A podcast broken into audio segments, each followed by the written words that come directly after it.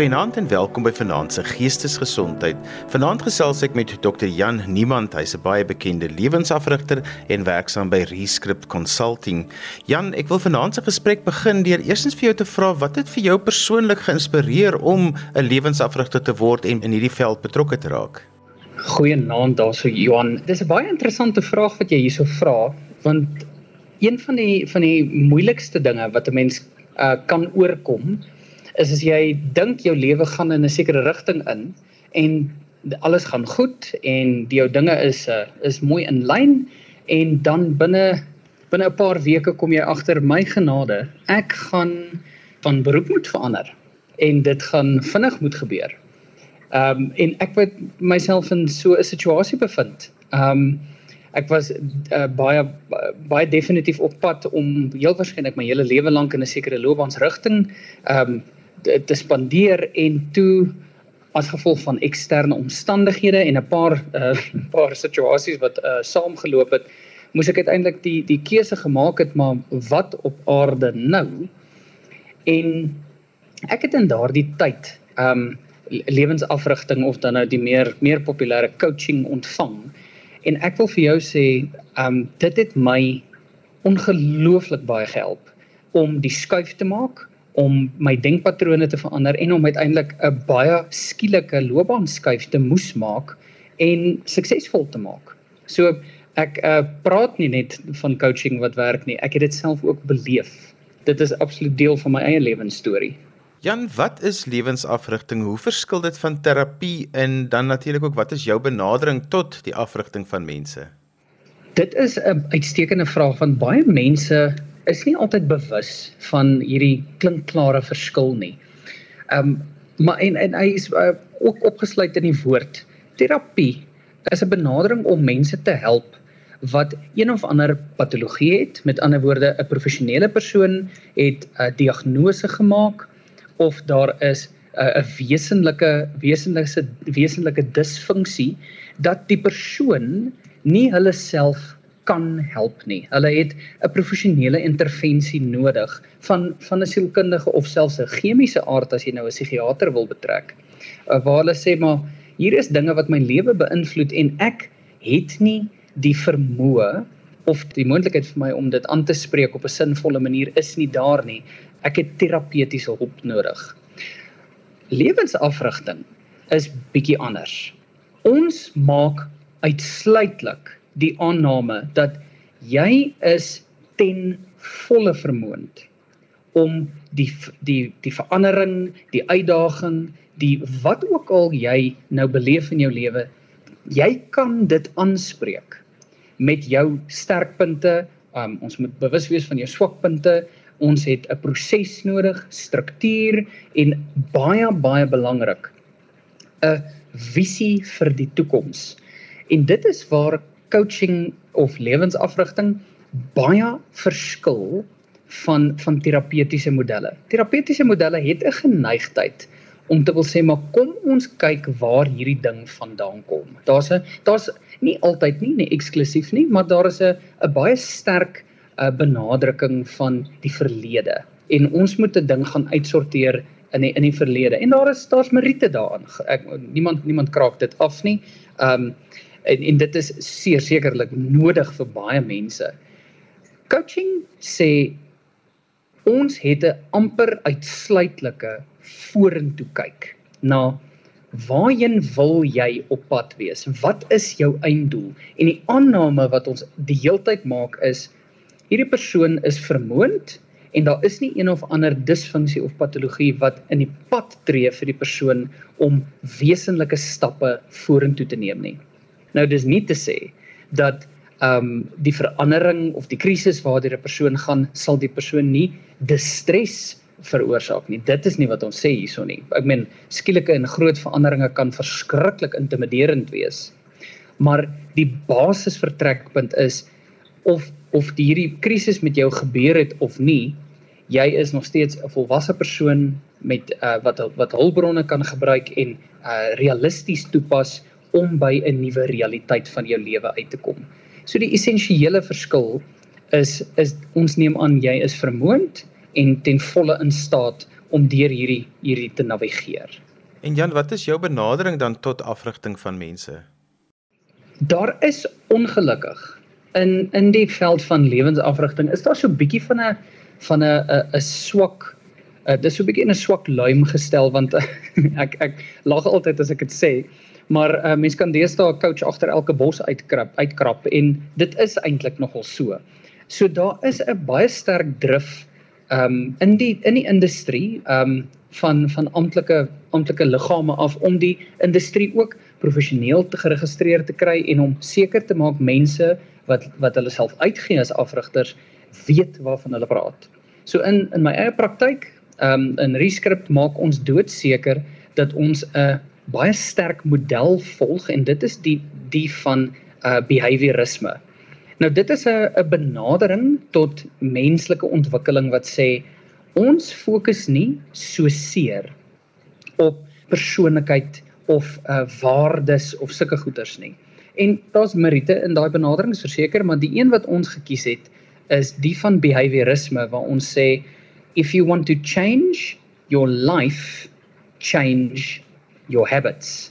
Verander dit wat jy doen. Nou daai slagspreuk is nie eens myne nie, dis deel uh dis dis uh een van ons uh besigheidsvennote Shadow Matchson en en dit wil ek vir jou sê as ons begin op 'n gedragsvlak met mense en 'n gestruktureerde doelgerigte proses sien ons ongelooflike sukses. Um een van die kernaannames is wat ons maak ook man is um om nie reuse spronge te probeer maak nie. Want meeste volwassenes het um afhanklikes. Daarso is heel waarskynlik kinders by betrokke of ten minste 'n ander persoon met wie wie in hulle verhouding is of daar is dalk ouers betrokke. Hierdie mense kan nie altyd skielike reuse veranderinge maak nie. Maar wat ons kan doen is om verandering af te breek in mikrostappe wat die uh, risiko mitigeer om van van skielike goeders wat verander, maar ons neem konkrete aksie met elke stap wat ons neem. So in kort is dit ons werk met met mense se gedrag en hulle unieke profiel in terme van hulle gedragspatrone en ons breek die stappe af in amper ek sê altyd it must be unfailable dit moenie moontlik wees vir jou om te misluk hierson nie klein mikrostappe wat dan uiteindelik akkumuleer en momentum bied na die nuwe realiteit toe. Jan want mense se geestesgesondheid vind tog baat as jy 'n goeie lewensafrigter het wat met jou werk. Absoluut. Jy sien ons maak gebruik van 'n van 'n raamwerk om te sê um ons soos wat ek sê as daar nie 'n onderliggende mediese of patologiese rede is nie, kry mense baie keer in die samestelling van hulle lewe spanning. En daar is 5 areas waar mense besonder sensitief is vir vir spanning in hulle lewe en dit kan as dit nie aangespreek word nie uiteindelik lei daartoe dat as hierdie ding nou heeltemal hand uitdruk dat jy wel terapie nodig het. So ek sê altyd ehm um, jou jou lewensafrigting maak jou fiks vir die probleme sodat die probleme jou nie uiteindelik so seer maak dat jy terapie nodig het nie. Um so die vyf areas waarna ons kyk en met 'n fyn oor luister na na ons kliënte wat ons kom sien is en hierdie is in in volgorde van van belangrikheid amper half of sensitiwiteit is mense is verskriklik sensitief vir die kwaliteit van hulle interpersoonlike verhoudings. As hulle verhoudings of 'n kritiese verhouding nie werk nie, kan dit mense se lewe besonder negatief beïnvloed. So dis dis die eerste dis die eerste filter amper of die lens waarna waardeur ons kyk is hoe gesond is jou interpersoonlike verhoudings. Die tweede lens is uh, die een wat nogal onder onder redelike druk is die afgelope tyd met die ekonomie en dit is is my loopbaan die die werk wat ek doen is dit waardevol is dit betekenisvol en baie krities pas dit by my unieke gedragsprofiel of in die, in 'n ander manier is om te sê pas jy die rol wat jy moet speel by jou in jou loopbaan mense wat spanning vat op die loopbaanskant ehm um, se geestesgesondheid kan ehm um, 'n hele paar houe vat en dit kan uiteindelik akkumuleer oor tyd en lei na groter probleme. Die derde ene of die derde aspek waarna ons kyk is is jy tevrede met die liggaam waarin jy leef? Met ander woorde jou gesondheid, jou fisiese gesondheid, 'n baie groot uh, area waarna ons kyk ook is jou gewig. Uh dis 'n baie sensitiewe uh probleem vir party mense is is die feit dat hulle is nie gemaklik met hulle gewig of grootte van hulle lyf nie. Mense kan selfs kyk na ehm um, na mense wat byvoorbeeld um, in ongelukke gekom het en hulle het nou die funksie van 'n arm verloor of sulke goeters. Daar kan lewensafrigting eintlik 'n ongelooflike waardevolle toevoeging maak want die die benadering is jy het nou die lyf wat jy het. Hoe optimeer ons dit en hoe bou ons 'n positiewe toekoms? Die vierde um aspek waarna ons kyk en baie mense besef nie aldag hoe 'n groot rol hierdie kan speel op hulle geestesgesondheid nie. Maar dit is die fisiese plek waar jy woon. Met ander woorde, jou woning, jou tuiste. Is dit veilig? Is dit na na wense na jou smaak? Mag jy veranderinge maak soos wat jy wil? Is daar 'n uh, ons noem dit compromising elements soos byvoorbeeld bure wat raserig is of negatief is? Is daar 'n uh, veiligheidsrisiko om te woon waar jy tans woon? So die fisiese tuiste waarna jy terugkeer om te gaan ontspan en en slaap en rus en familielewe beleef, is daai daai aspek van jou lewe um uitgesorteer. Indien nie, kan dit mense in 'n besonderse moeilike situasie plaas. En dan die vyfde ene is hy's bietjie meer abstrak, maar hy hy hy speel 'n reuse reuse rol. En dit is werk die logistiek van jou lewe. Nou dit is uh, baie belangrik om te verstaan. Die die logistiek van jou lewe is die basiese vraag Hoeveel moeite is dit vir jou om deur 'n dag te kom? Die ma wat 3 ure moet opstaan om kinders wakker te hê half 4, om kinders af te laai by ouma 4 uur, om half 5 te begin ry, om 7 uur in Sandton te wees, om 8 uur te begin werk, om dan weer 5 uur te loop, kinders eers eers hier half 8, 8 uur op te tel, dan begin huiswerk, dan begin kos en hulle kom almal eers 11 uur in die bed rinse en repeat vir vir 'n week aan een. Daai is nie 'n volhoubare lewenssamestelling nie. The uh, ons sê the mechanics of your life are working against you so daai aspek alhoewel mense nie om um altyd swaar genoeg weeg nie kan werklik verwoestend wees vir mense se gemoedstoestand veral as dit 'n kroniese laaggraadse stres die hele tyd besorg in hulle lewe. So dis maar die die vyf basiese dimensies waarna ons kyk wanneer ons begin werk aan 'n werkbare lewensstrategie vir mense om vir hulle 'n beter 'n lewe te bou wat lewenskwaliteit en uh, geestesgesondheid ondersteun eerder as afbreek.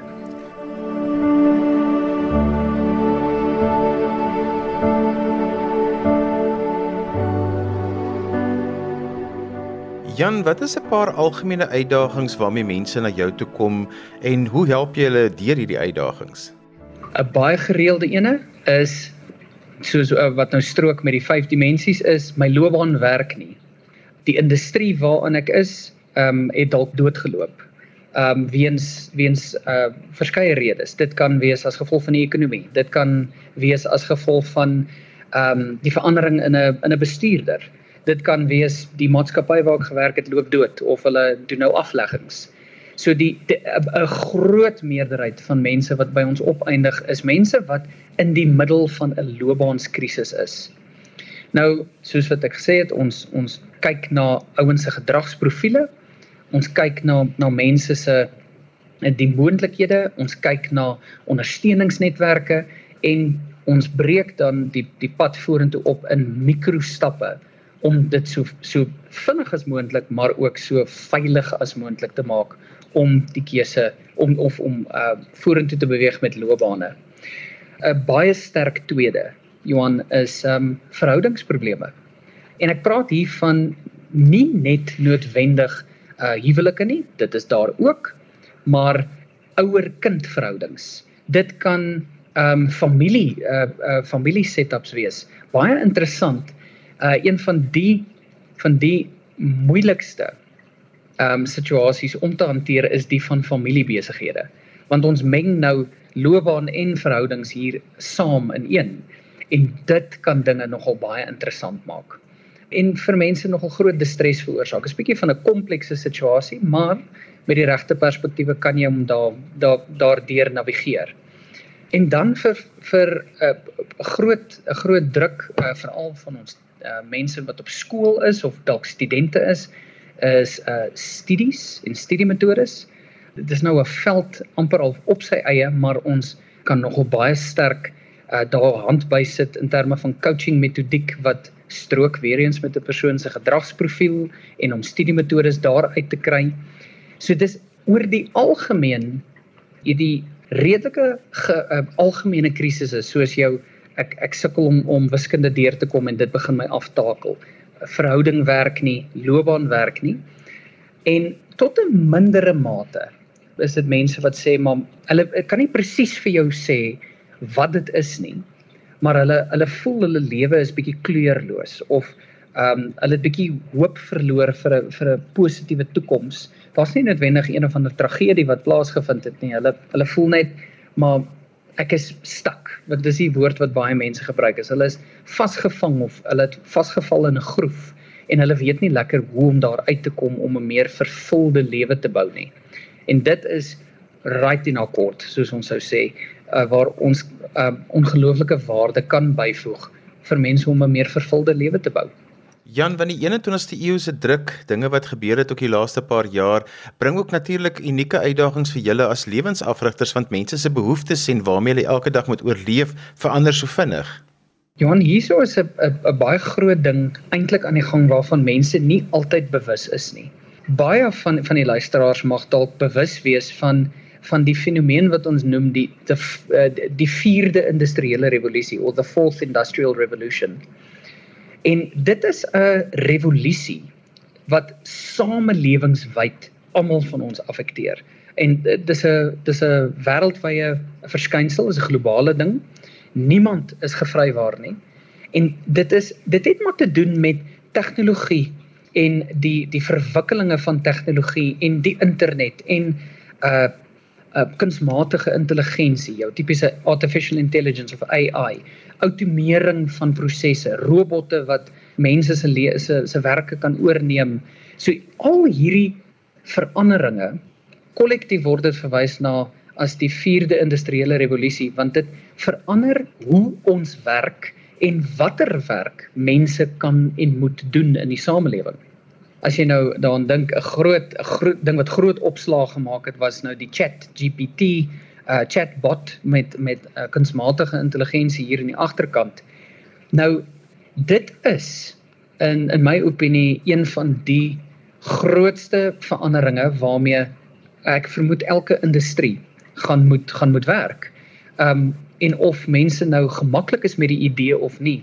Um hulle gaan hulle gaan nou uh, hierdie uh, in ag moet neem of jy nou in die publikasie industrie is en of jy nou 'n ingenieur is en of jy nou 'n 'n 'n ontwikkelaar is vir vir rekenaarkode dit dit is irrelevant punt is hoe ons te werk gaan nou het eintlik nou redelik dramaties verander en ons is eintlik nou besig om net die effek daarvan te probeer verstaan.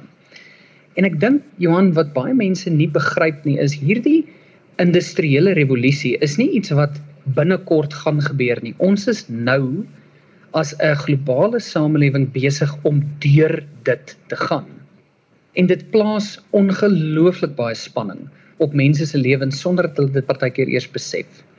Byvoorbeeld 'n 'n kan mense amper sê 'n gevalle studie, ek sal net die persoon um anoniem hou, is 'n persoon wat na my toe gekom het met 'n loopbaanskrisis en toe ons begin navorsing doen oor die effek van die 4de industriële revolusie besef ek en hierdie persoon toe maar die industrie is dood.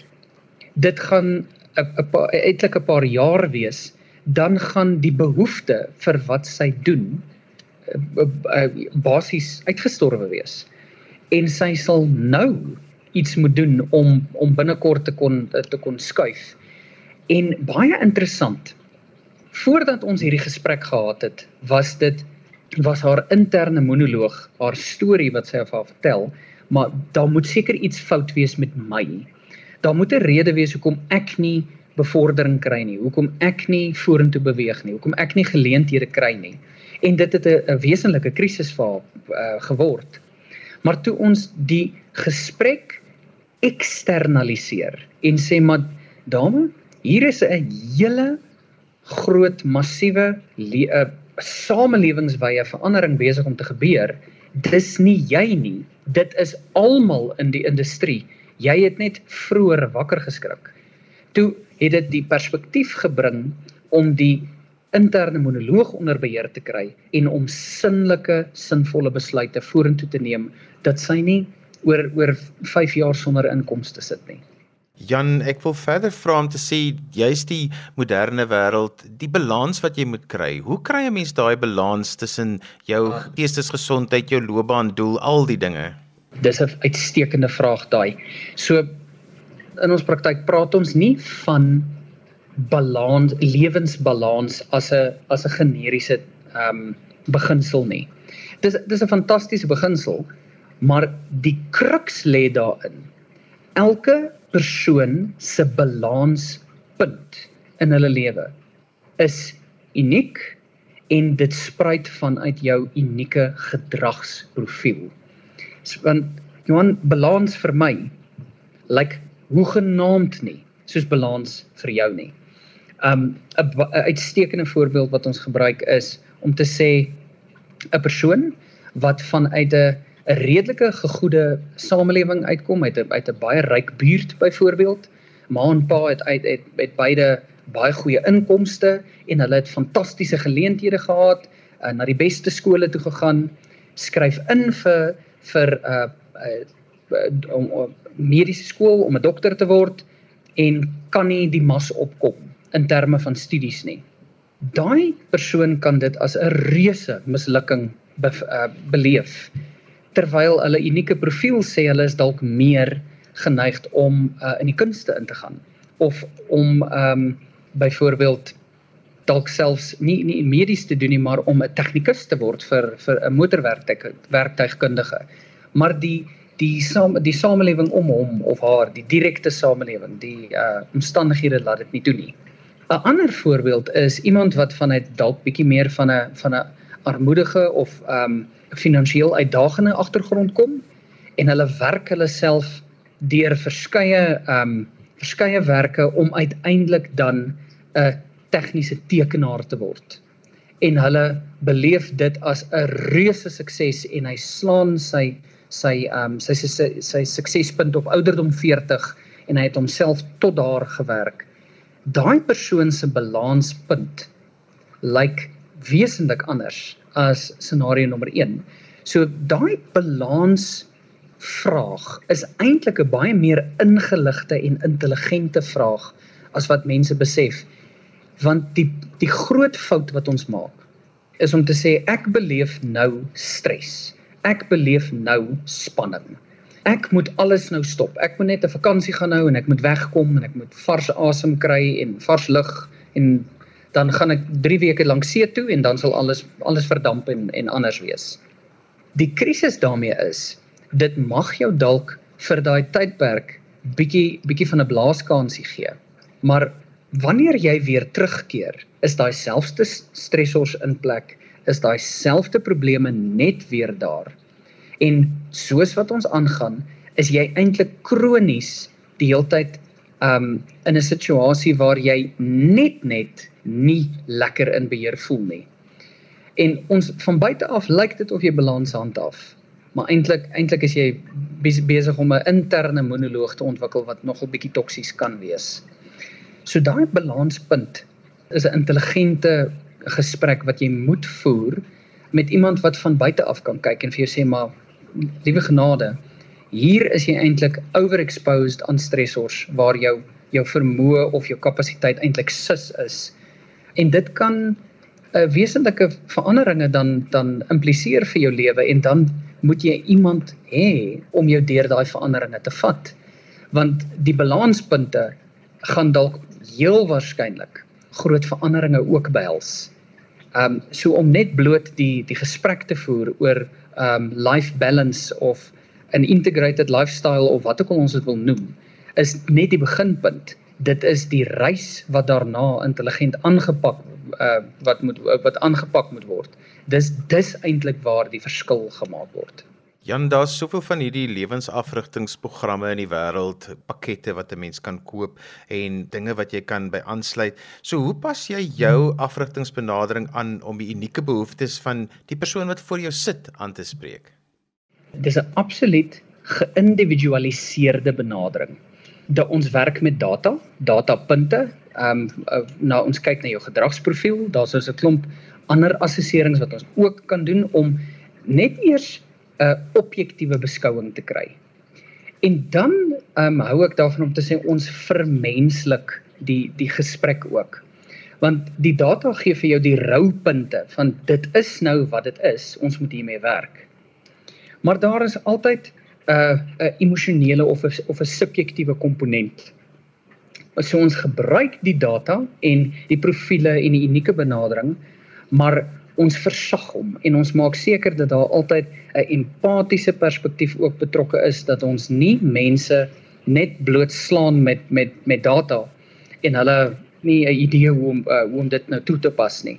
Vir daai rede is dit ook baie belangrik vir mense om weer eens terug na daai beginsel breek dit af in sinnelike basiese klein stappe met wat deel kan wees van 'n groter doelstelling of 'n groter plan maar meeste mense ehm um, kan net partykeer nie nie emosioneel die mas opkom om reuse veranderinge te uh, te bewerkstellig nie.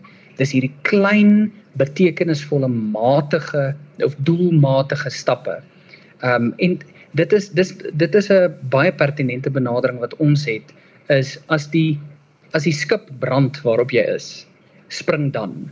Maar as jy agterkom ek het nog tyd, bou met daai tydsaspek in. Alles hoef nie vreeslik dramaties te wees nie. Dit kan sinlik wees terwyl dit gematigd ook is.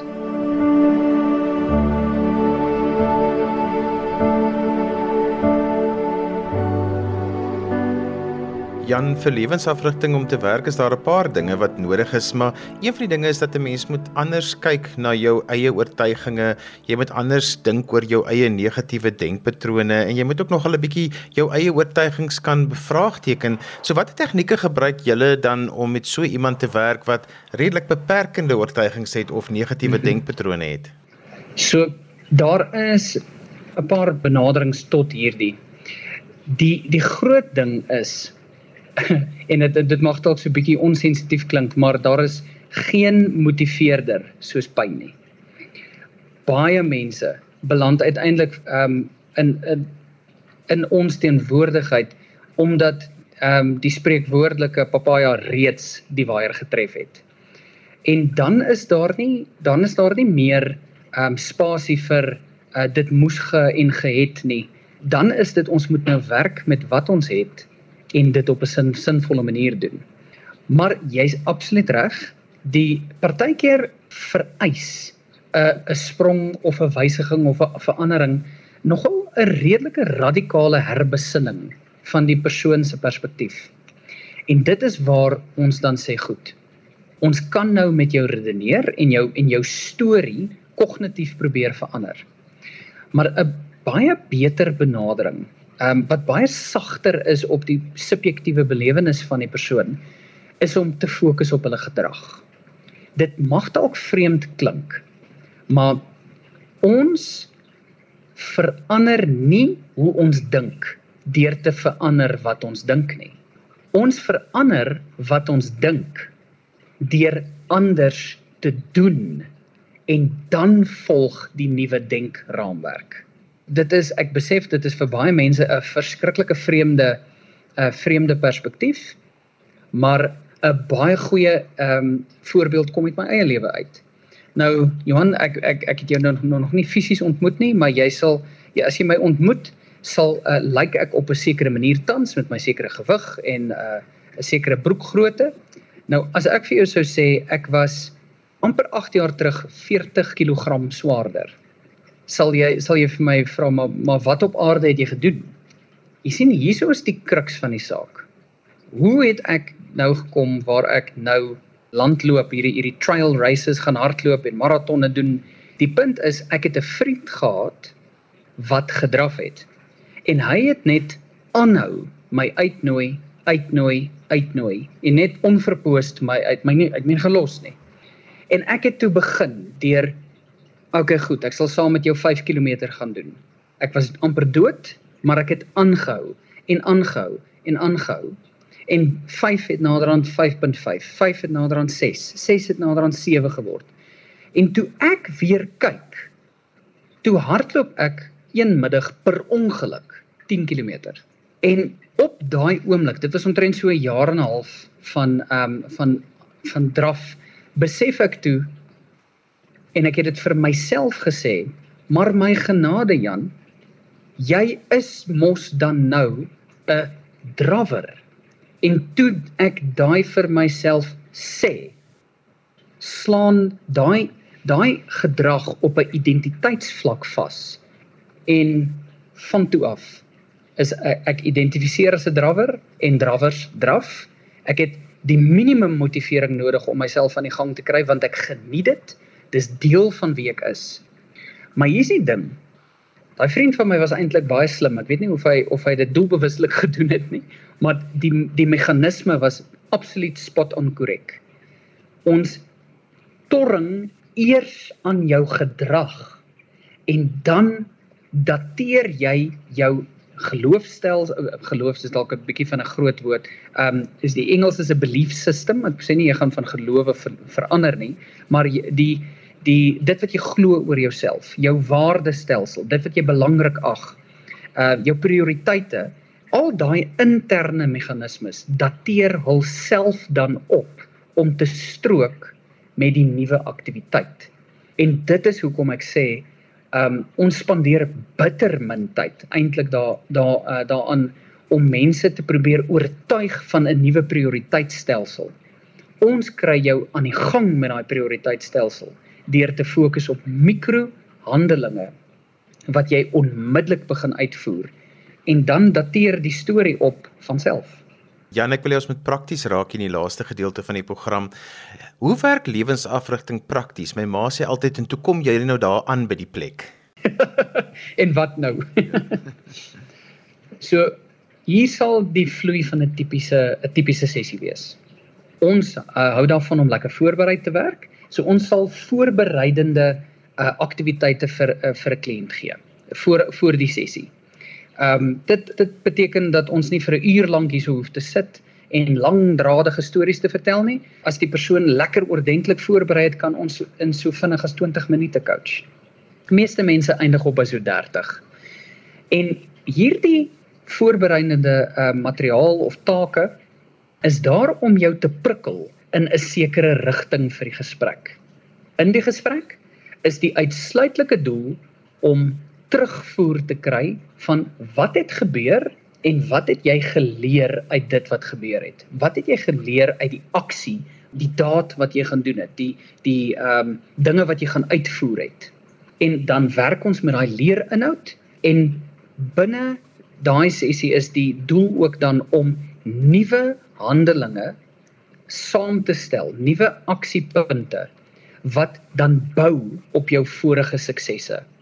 En sodoende maak ons doodseker dat dat dit strook ook met die met die groter plan, waarheen wil jy op pad wees en die coach of die lewensafrigter is speel eintlik as 'n ehm um, die Engels is 'n accountability partner. Dis 'n iemand wat jou 'n plek waar jy verantwoording doen vir dit wat jy gedoen het en jy maak onmiddellik dan wat is ons volgende stap vas.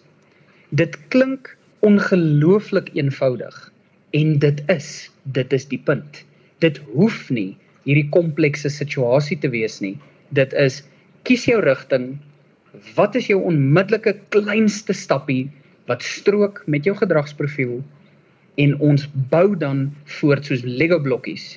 Elke keer met elke sessie bou ons voort totdat jy al hoe nader kom aan jou doel of aan 'n 'n beter toekoms. Jan, hoekom speel julle die rol van uh, iemand iemand accountable te hou om iemand verantwoordbaar te hou? Watter funksie het dit binne die proses? Ek hou maar van my gesegdes uh, Johan en jy moenie uh, ek, ek hoop nie een uh, iemand neem aanstoot hieroor nie, maar daar's 'n ou gesegde wat sê people don't do what you expect. They do what you inspect. En dit is presies die rol van 'n lewensafrigter. Is uh, dit het maar te doen met sosiale sielkunde en dat uh, baie mense uh, gemotiveerd is om take te doen of om aksie te neem as iemand anders hulle gaan uitvra of ondervra daaroor. Hoekom? Want die drang om iemand anders nie te leer te stel nie is partykeer sterker as jy wat jouself moniteer.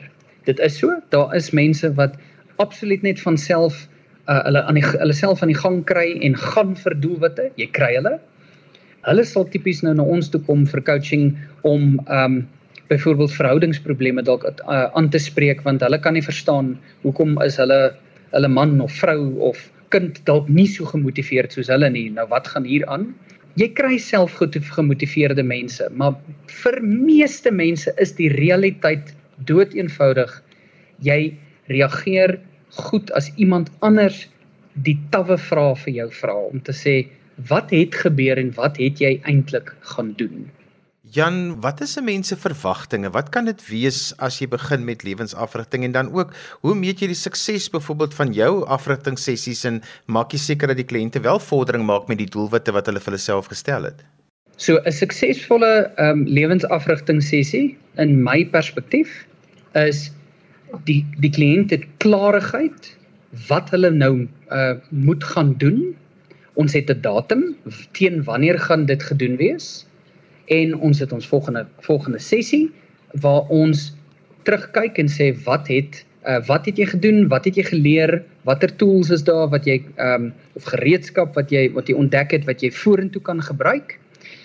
En die dit is 'n dis eintlik 'n redelike harde wetenskap uh Johan, jy is suksesvol as 'n afrigter as die persoon bereik wat hulle gesê het hulle wil bereik daar is meetbare uitkomste.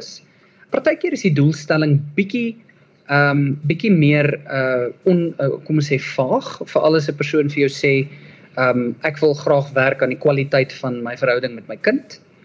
Maar dan is dit waar ons ehm um, dan elke 2 weke, dit hang af van die van die uh, van die frekwensie van die sessies, sê ehm um, doen 'n subjektiewe meting van jou van jou verhouding op 'n skaal van 1 tot 10 waar trek jy nou en waar was jy waar was jy 2 weke terug?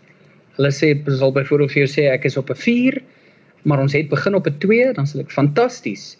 Wat is ons volgende stappe om ons van 4 na 5 toe te gaan? Die stappe kom daaruit goed teen wanneer gaan doen kom gee terugvoer.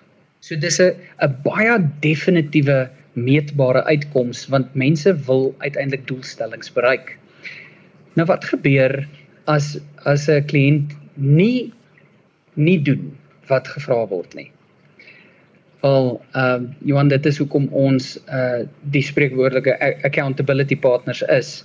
Dit is dan uh, ons is dan genoop om om te om 'n uh, bietjie van 'n van 'n 'n verantwoordelike gesprek te voer en sê is dit omdat jy nie wil nie?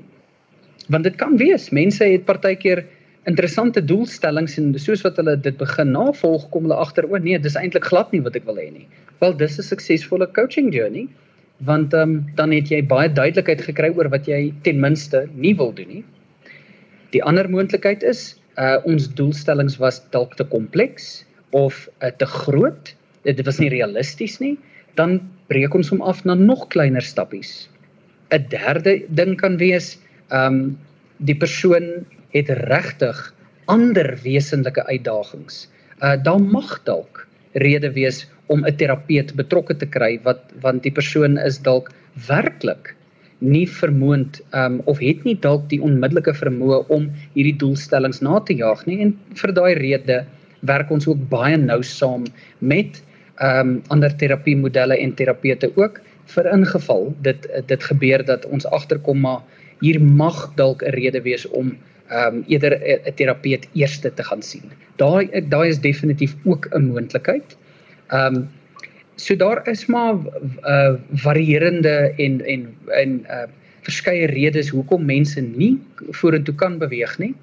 Ehm um, maar vir meeste mense uh, is dit net dood eenvoudig Um, ek het al baie kliënte gesê maar liewe genade Jan, ek het nie besef jy gaan jy gaan my so ernstig opneem nie. Ek sê nee. Dit is hoekom jy hier is. Jy wil graag vorentoe beweeg. Um en jy dalk net daai eksterne motiveerder nodig om om jouself ernstig op te neem. Jan, ons het gekom aan die einde van vanaand se program. Ek wil ons net opsom deur weer eens vir mense te vertel wie kan baat vind by lewensafrigting in watter tyd van hulle lewe. Johan, die, die dis 'n uitstekende vraag. Ek dink die die maklikste is om te sê as jy 'n uitdaging of 'n krisis beleef wat jy nie self opgelos kry nie of wat jou so onkant gevang het dat jy nie weet wat om te doen nie. Mense wat voel hulle is 'n uh, uh, uh, in hakkies stuk. Hulle hulle voel hulle is bietjie vasgekeer of vasgegroef. Hulle het nou al hulle hulle hulle uh, planne nou uitgegiet op hierdie probleempie en hulle kry nie vorentoe beweeg nie. Maar ook mense wat voel ek is oukei. Okay. Ek, ek niks val uit mekaar uit nie. Maar daar is 'n wesenlike ek voel daar sou is iets wat ek meer kan doen. Daar is 'n meer meer aan die lewe wat ek graag wil hê en ek is nie seker hoe om daar uit te kom nie. Enige persoon in 'n lewenstransisie, ons praat hier van my eerste werk regdeur tot by aftrede. Enige persoon wat 'n uh, uitdaging beleef of het sy dit nou in studies is het sy dit in in my loopbaan is my verhoudings selfs met uh met my jou fisiese liggaam. So die die ter opsomming enige iemand wat deur 'n 'n veranderingsfase wil of moet gaan en nie heeltemal seker is hoe om dit te doen nie En so gesels Dr. Jan Niemand en ons het vanaand gesels oor lewensafrigting. Jan, as mense met jou verder wil gesels, wil kontak maak, meer wil uitvind van lewensafrigting, hoe kan hulle dit doen? Baie dankie Johan. Ons is beskikbaar op hello@rescriptconsulting.com. So dis hello Engels gespel H E L L O @rescriptconsulting.com en hulle kan ook gerus gaan kyk na ons webwerf rescriptconsulting.com ook. En daarmee is gekom aan die einde van vanaand se geestesgesondheid. Onthou jy kan weer na vanaand se program luister as 'n potgooi en laai dit af by resgep.co.za. Skryf gerus vir my 'n e e-pos by Johanvanlull@gmail.com en onthou daai Johan het net een N. En daarmee groet ek dan vir vanaand. Kyk mooi na jouself. Tot volgende keer van my Johan van Lill. Totsiens. thank you